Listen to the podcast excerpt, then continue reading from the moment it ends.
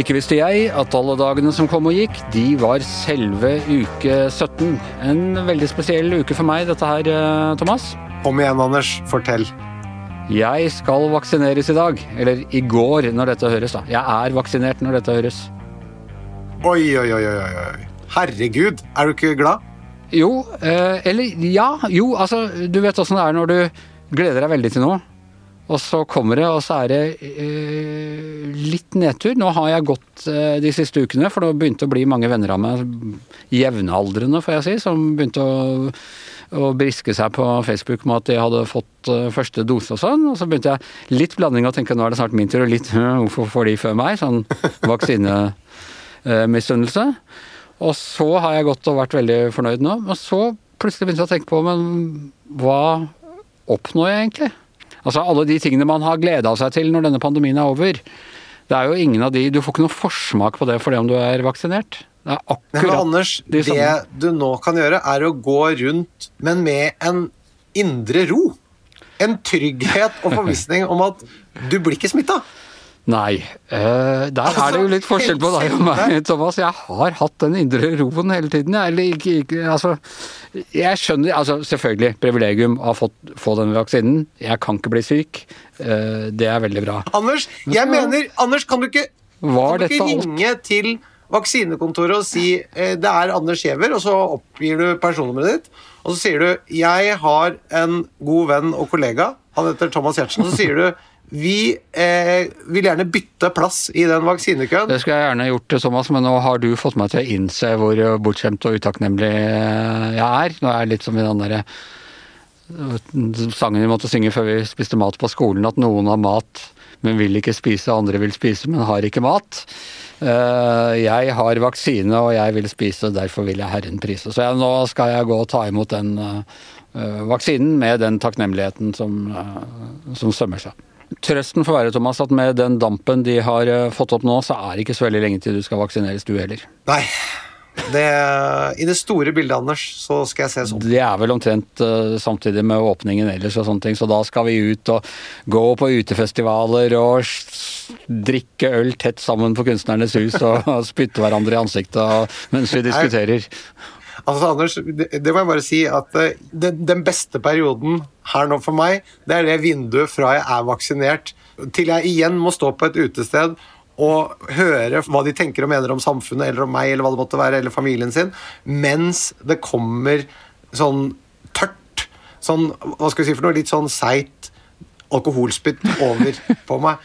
Det gruer jeg meg til, så det vinduet mellom vaksinen og det, det er det beste for meg. Det vinduet hvor vi ikke helt har senket skuldrene selv om alle er vaksinert, det er det Ja, hvor, hvor, hvor, de, personlige skuldre er senket, men hvor samfunnets skuldre fortsatt skjermer oss fra en del hva skal vi si, i mine øyne uønsket atferd. Ja.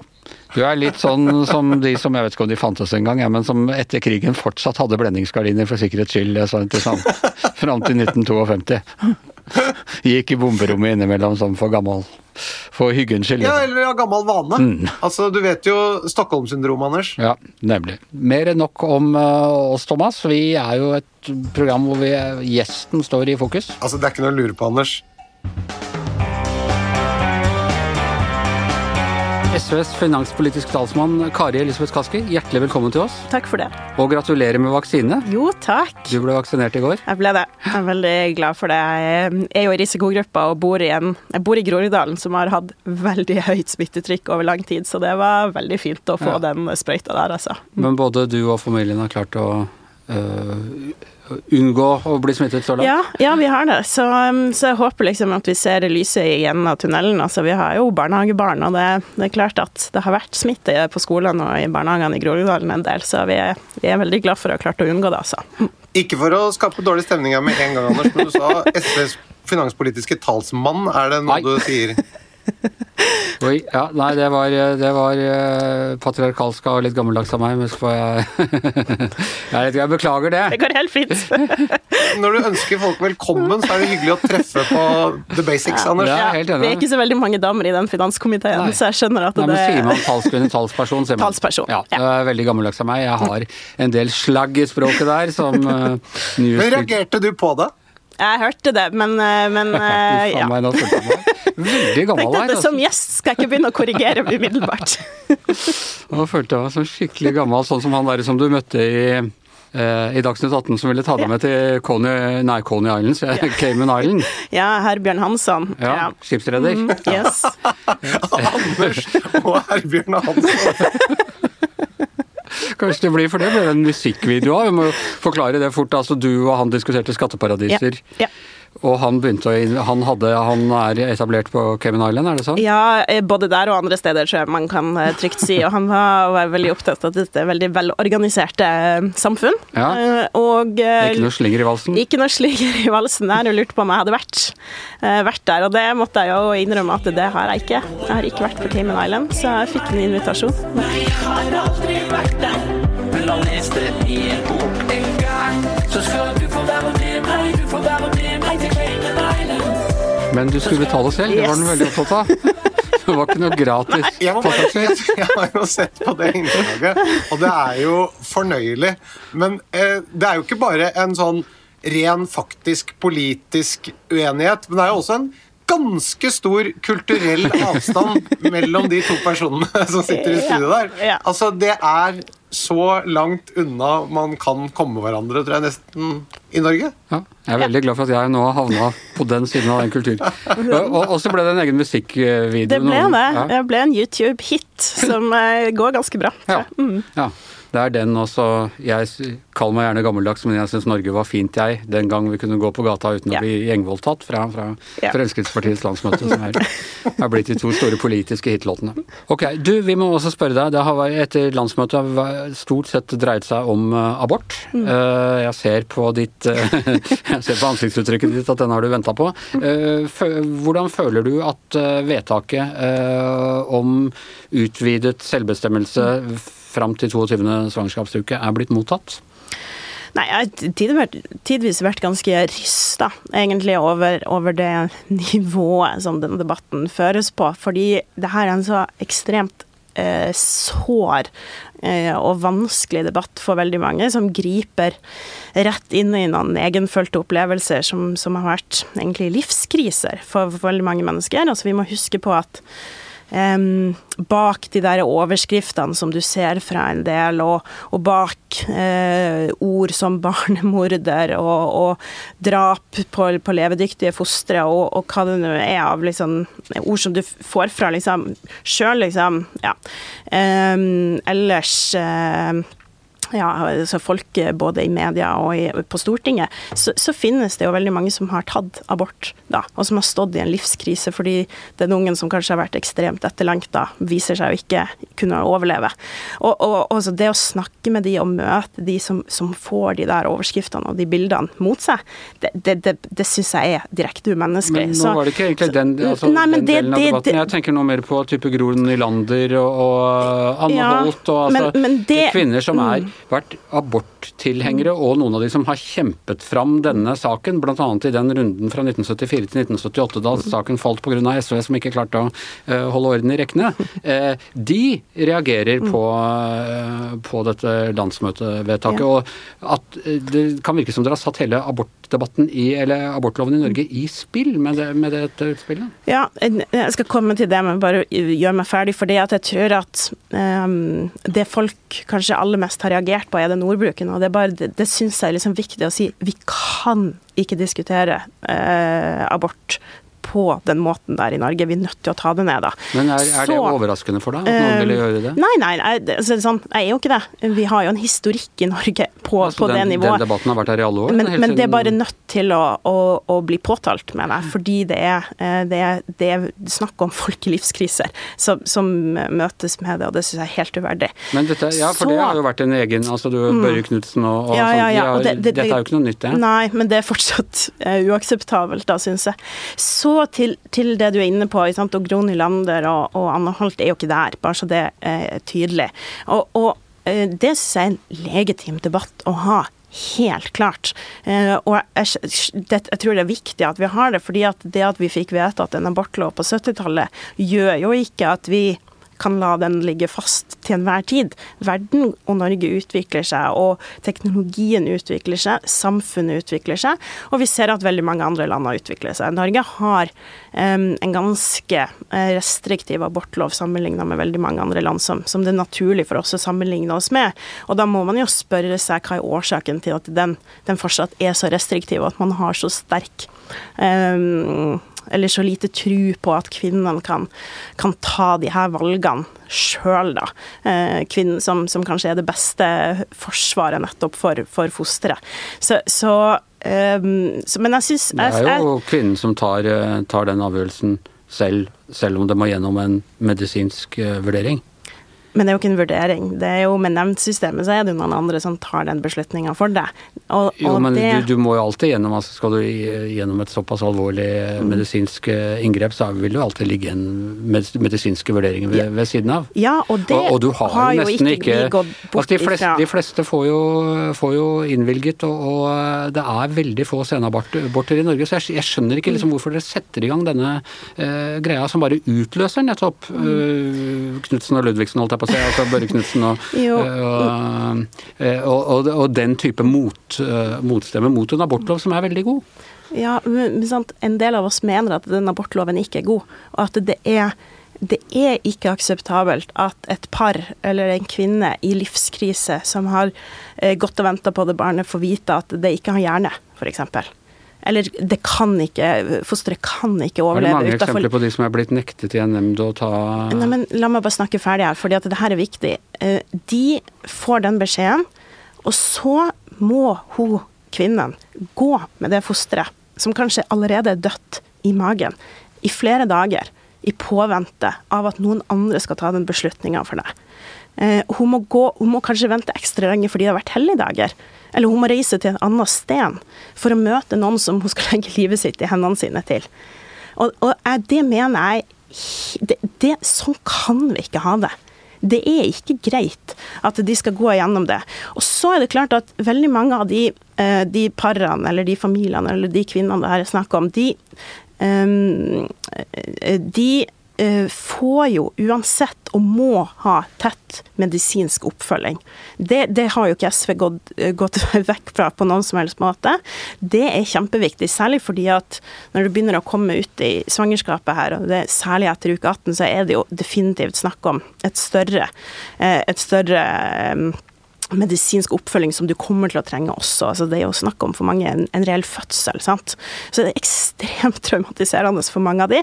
Og for helsepersonellet som Ja, eh, definitivt. Men det gjøres jo i dag. Og det er de kvinnene ja. man snakker om i dag, som, som, som, må, som gjennom det nevnsystemet. Og det funker ikke godt nok, da. Og erfaringene fra land som, som Nederland eller Sverige eller New Zealand eh, eller Island, som, alle har selvbestemmelse til i ulike varianter av 1822, eh, det, det er jo at det ikke blir flere Eh, abort der. men, men du, du, kutter ut den der nemnda som tar den beslutninga på vegne av kvinnen i realiteten. Og det, det, mener jeg er riktig. Når det er sagt, så, så er det jo ingenting i, i, SVs, opp, uh, i SVs vedtak fra det landsmøtet som, som som sier at vi ikke skal ha noen kriterier etter uke 18. For jeg tror at du må ha en innramming etter uke 18. Det er viktig det må være noe sånn innramming knytta til det. Eh, og, og, vi sier heller ikke noe, noe, noe, uketall. Det er jo fort det som blir slått opp, og så er det noen som snakker om da kan vi ha det helt til uke 40. Nei. Vi sier innenfor grensen av levedyktighet.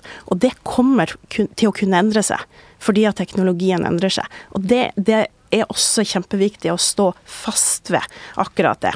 Um, så, så, det er et prinsippvedtak om at kvinnen skal fatte beslutninger. Antageligvis etter uke 18 så må du ha, du må ha en innramming. Kanskje et sett med kriterier også med utgangspunkt i dagens lovverk, men det trenger du en sånn større utredning og lovutredning der også medisinsk personell er involvert, eller fagpersoner er involvert i det. Men du Kari, jeg må spørre. Hvis man, når man har det synet på den saken som du og dere har, så bare lurer jeg på, når du har sett reaksjonene fra da alle hold, og hvordan dette har endt opp med å bli nå, tenker du at det var klokt av dere eh, på landsmøtet, eller tenker du at det ikke var så smart i forhold til å gagne saken? Ja, eh, jeg, eh, det synes jeg, det, jeg skjønner at du spør, Thomas, og det er et godt spørsmål. Og jeg har tenkt mye på det der sjøl. Fordi på den ene sida så er det sånn Dette er åpenbart enormt mye støy. Og vi har andre saker som, som vi har tenkt å ha som hovedsaker i valgkampen vår. Men samtidig så kjenner jeg litt på en sånn frustrasjon også som kvinne som har jobba en del med, med abortspørsmålet over lengre tid, at det er, det er også noe sånn det, det, vi kan liksom ikke synes at det er greit at vi aldri skal løfte et viktig kvinnespørsmål fordi det ikke er strategisk riktig. Da. Og, og De landsmøtene er nå dessverre rett før et valg, og vi får liksom ikke gjort noe med det. og På et tidspunkt så må vi uansett vedta det i programmet vårt. Og så tenker jeg at vi, vi kunne nok ha vært tydeligere rundt, rundt det vedtaket når det først ble fatta. Um, men, men, men, samtidig så, så, er det jo også klart at det er en del motkrefter i samfunnet som, som til enhver tid vil gripe tak i det. da. Eh, og, og, og, på en måte Det har jo også vært, vært omtalt i media, ikke nødvendigvis av media sjøl, men vært omtalt i media som, som, noe annet enn det det vedtaket faktisk er. Når man begynner å snakke om sånn uke 40 og sånn, eller, eller vise bilder av, av, av fostre som, som, ja, jeg tror bare det er sånn, Man skal huske på at når man viser liksom bilder av hvordan fosteret ser ut i uke 22, så sitter det altså noen hundre kvinner der ute som, som har tatt det abort, den aborten ganske nylig, men som ikke hadde det friske fosteret men som hadde et, et foster som var sterkt ønska, men som var så skada og så sykt at det ikke kunne overleve. Det, det, det er det man står i. Og, og, og, det er klart at jeg, jeg, tenker at det i hvert fall er et, et tankekors da, at det her får så store, sterke reaksjoner, samtidig som et parti som også har landsmøte denne helga her, KrF, jo i realiteten vil forby abort i det hele tatt. Så, så det er også en ytterpunkt Nei, det det, eh, i debatten. Det det, altså, dette har jo vært en av de mest opprivende mm. politiske sakene i, i, Norge etter krigen, men det var ro rundt det nå. Altså, og det er derfor jeg, det er derfor, og, og, det var en voldsom kritikk mot Erna Solberg eh, da hun tok KrF inn i regjeringen, for hun liksom satte det i spill. Og så har dere tatt den ballen og løpt videre med den. Ja, men vi er ikke, er ikke enige i at det var ro rundt det.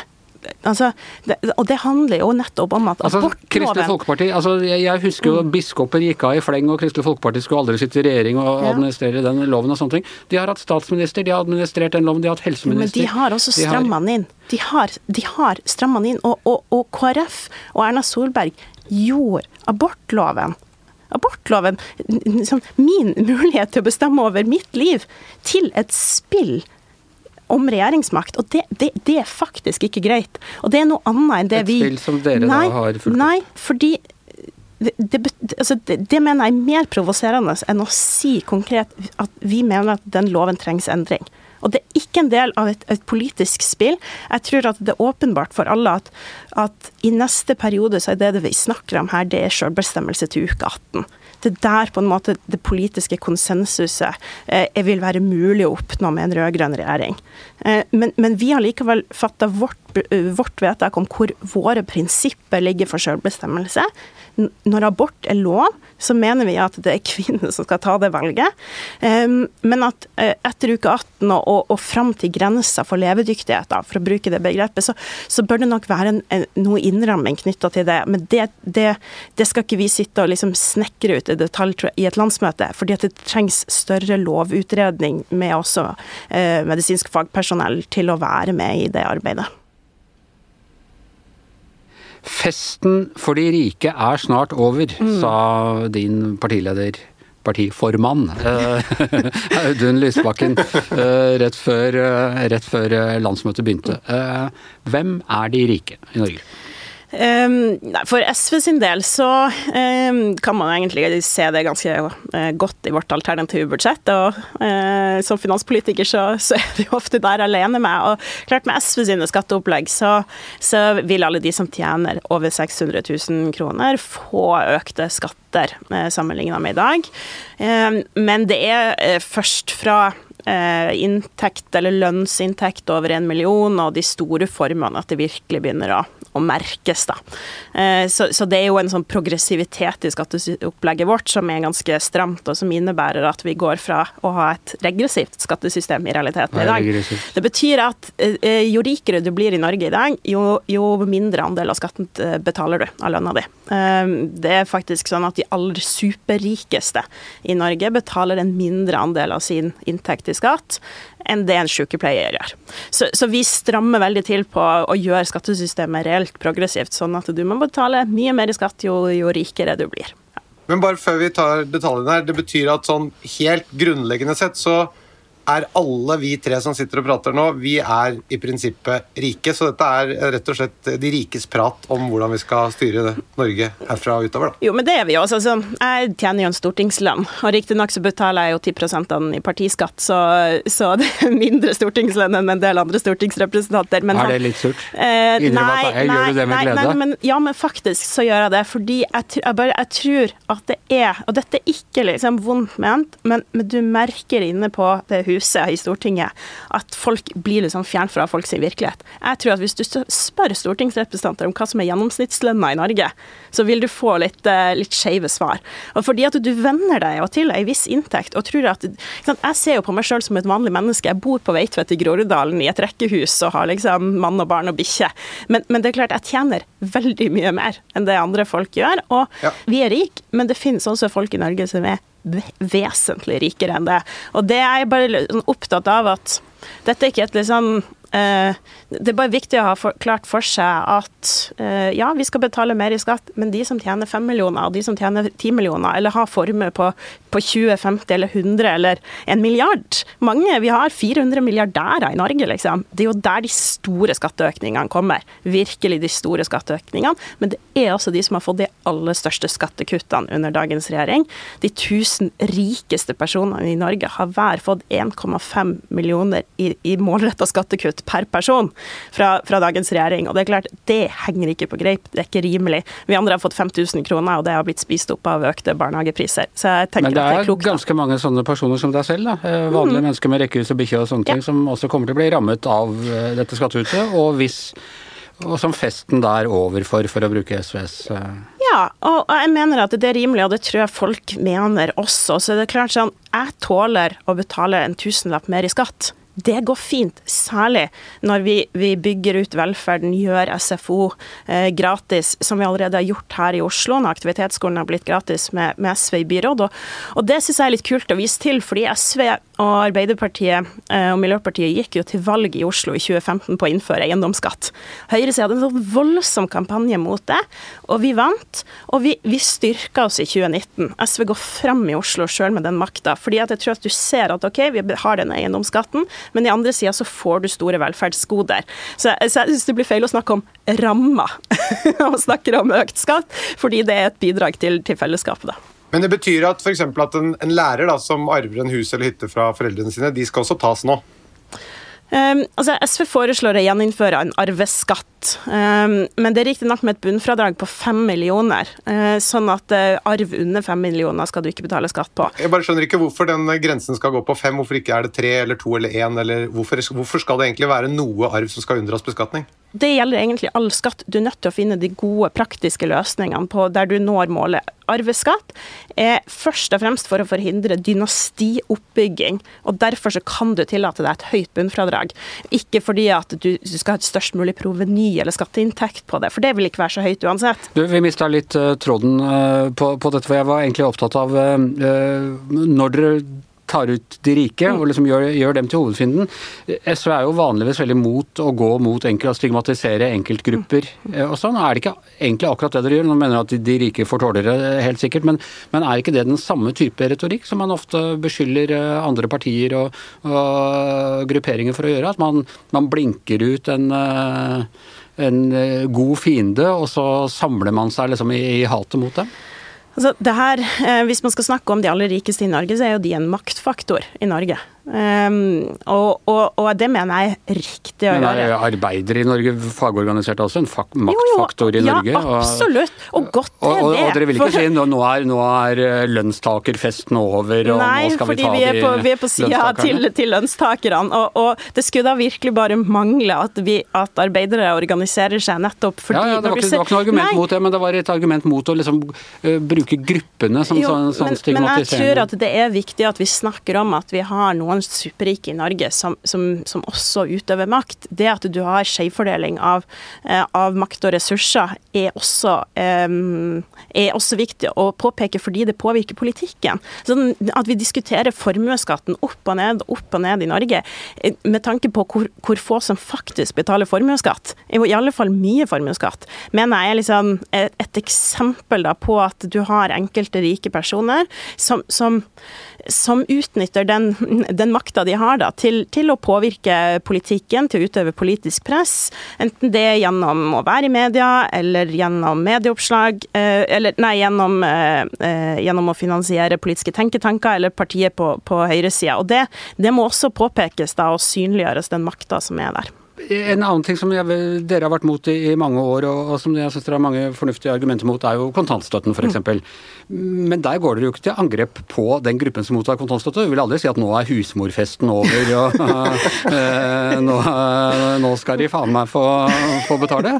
Uh, du går jo til angrep på Kristelig Folkeparti, som har innført nå, regjeringen som opprettholder den, og eventuelt Arbeiderpartiet hvis de er for uh, dere syns dere er for wishy-washy der. Så det, det, er jo en forskjell her. Ja, og, og der kommer vi tilbake til nettopp den Fordi forskjellen i makt. Det er jo lovlig, de har jo ikke gjort noe ulovlig. eller forhåpentligvis ikke gjort noe ulovlig. Da har vi Økokrim til å ta seg av det. Ja, Nei, men det er forskjell i makt, og det mener jeg det, det er helt sånn vesentlig poeng å, å, å forstå. da, og um, det er jo litt sånn der, også, fordi regjeringa sjøl ikke har lyst til å liksom prate om det. Og, og da regjeringa la fram sin stortingsmelding om ulikhet, som, som Stortinget ba de lage, så var daværende finansminister Siv Jensen ute og sa at forskjellene i Norge øker fordi at vi har for høy innvandring.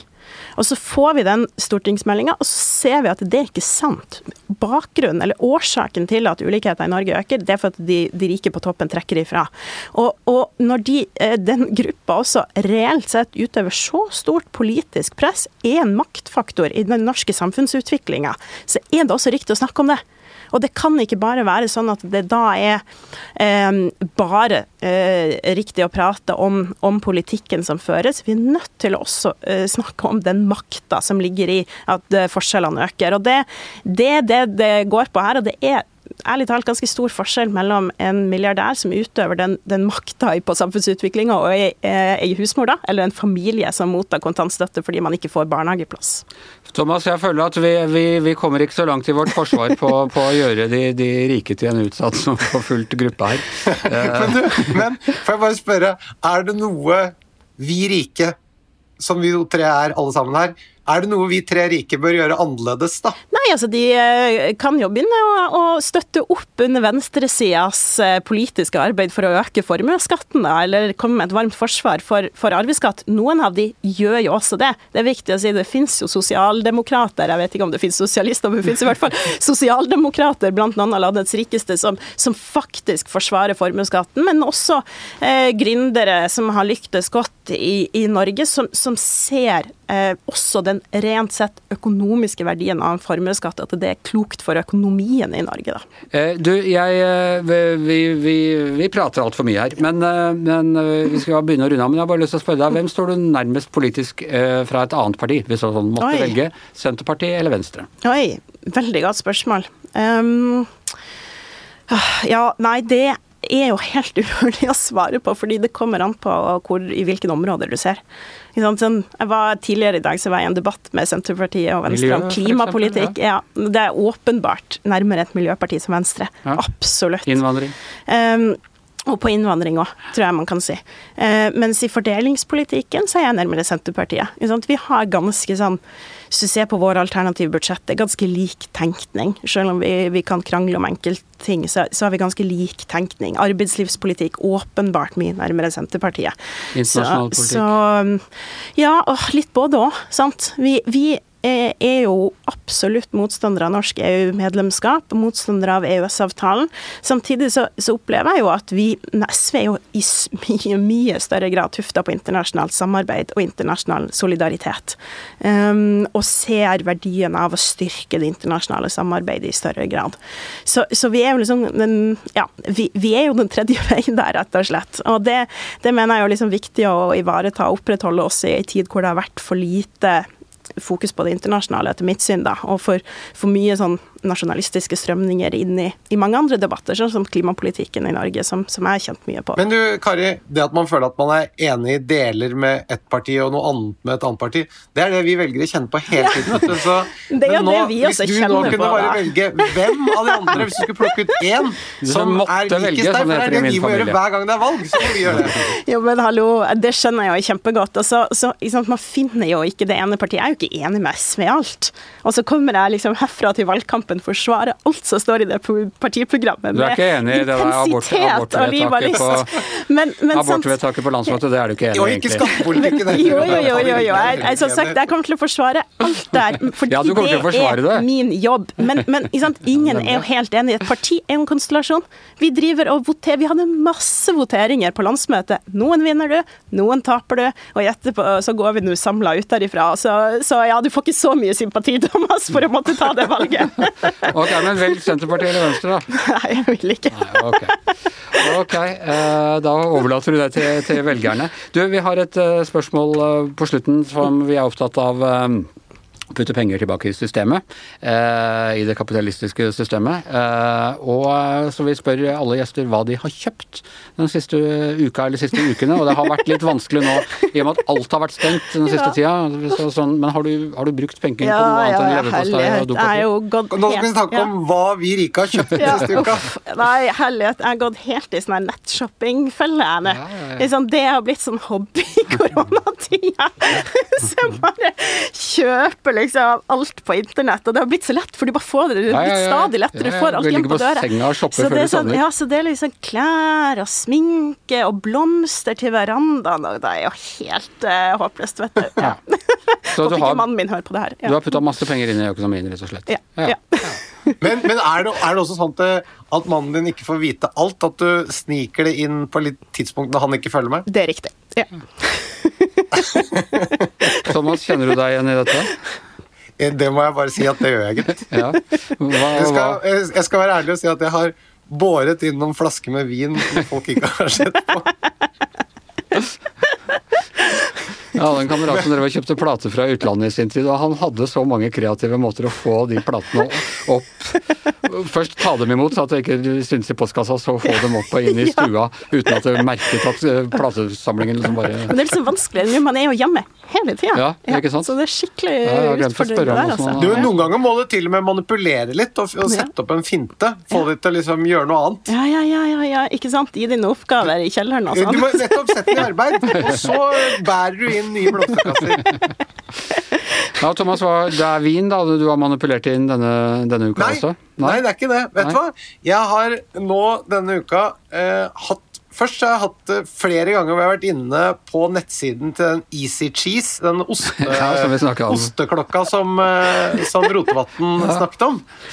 Rotevatn hadde fått så fine osteklokker, skjønner du. Ja, som, som er en sånn eh, veldig sånn eh, praktisk eh, måte å ta vare på osten på. Som, der osten er inni en sånn eh, boks, så kan du dytte opp på undersiden når du trenger Ja, mer. Så tar sant. ikke på osten. Den holder seg lenger. Så den det er veldig bra. Eh, Easy Cheese heter den. Eh, og eh, Nå sponser er, også denne podkasten. det som også er med Easy Cheesen, er at eh, de har et samarbeid med en ostehøvelprodusent som lager noe utrolig fine ostehøvler. Men du har ikke kjøpt noe ennå, altså? Nei, men det, det er en på jobben. Han har kjøpt eh, fem eh, Han har kjøpt fem sånne Easy Cheeser og eh, høvler han skal gi bort i gave. Så jeg tenkte jeg skulle nå starte nå etterpå i dag, så skal jeg kjøpe Easy Cheese. Så før denne podkasten er ute til lytterne, så har jeg nok kjøpt en Easy Cheese, Anders. Ja. Men må jeg bare komme, altså, Den beste ostehøvelen jeg har, det er faktisk en sånn LO-ostehøvel. Eh, så for å komme litt sånn motstand til reklame, holdt på å si, men den er altså så god! Sånn en giveaway fra LO på et tidspunkt. Så den, eh, den overgår alt jeg har, jeg, jeg har fått eller kjøpt av billige eller dyre ostehøveler. Hvilket materiale er den i? Den er faktisk i plast. Den er det, ja. Har plast, ja. Fantastisk god ostehøvel. Men, men, men selve kniven også? ja, den ikke... ja, den er så skarp! Okay. Jepp. Nå har vi diskutert både ost og rødvin med SVs finanspolitiske talskvinne. Anders, hva har du kjøpt? Uh, nei, jeg har, har ikke fått kjøpt noe, men det er akkurat uh, som deg. Så, så altså, Jeg nevnte jo forrige gang at jeg var begynt å kikke litt på mønstrete resortskjorter igjen, som jeg begynner med hvert år. Jeg er glad i sånne fra den mønstrede resortstaten Hawaii. Ja. Eh, men da er jo Da blir jo de algoritmene går jo de helt bananas. De løper etter meg med hver gang jeg liksom er inne og sjekker et eller annet push-varsel eller noe sånt, så kommer det opp sånne Hawaii-skjorter i feeden. Så jeg blir litt lei av det. Litt som å gå på et sånt marked i et eller annet land og så ta og kikke litt, og så blir han der selgeren altfor pushy. Eller som om du skulle gått inn på, på Hennes og Maurits og de begynte å løpe etter deg og prøve å dytte på deg varene sine. Så jeg har egentlig tatt litt eh, shoppingpause. Men det er litt rart at de algoritmene ikke er bedre. Altså, Ja, først, ja. Til og med når du har kjøpt et produkt, så får du opp det samme Ja, i ukevis etterpå. Sånn, nei, jeg er ferdig. jeg kjøpte støvsuger i fjor, og de gir seg ikke. Kanskje jeg skal ha en til? Vil du ha en ny? Jeg er på tide å skifte ut. Du er, her har vi en som er støvsugergæren. Og det er jo nettopp styrken til han teppeselgeren på det markedet, Anders. Det er at han skjønner at nei, men han har kjøpt han, så jeg maser ikke mer på han. Nei, det gjør ikke de algoritmene. Nei, nettopp. Så algoritmene, dere må ta dere en tur til Syden når, når dere bare er vaksinert. Så kan dere lære, lære noe der. Giæver og Gjertsen er over for denne uka. Tusen takk til Kari Elisabeth Kaski i hjemmestudio, Thomas Gjertsen. Jeg heter Anders Giæver, og den rikeste av oss alle er selvfølgelig den superrike produsenten Magne Antonsen.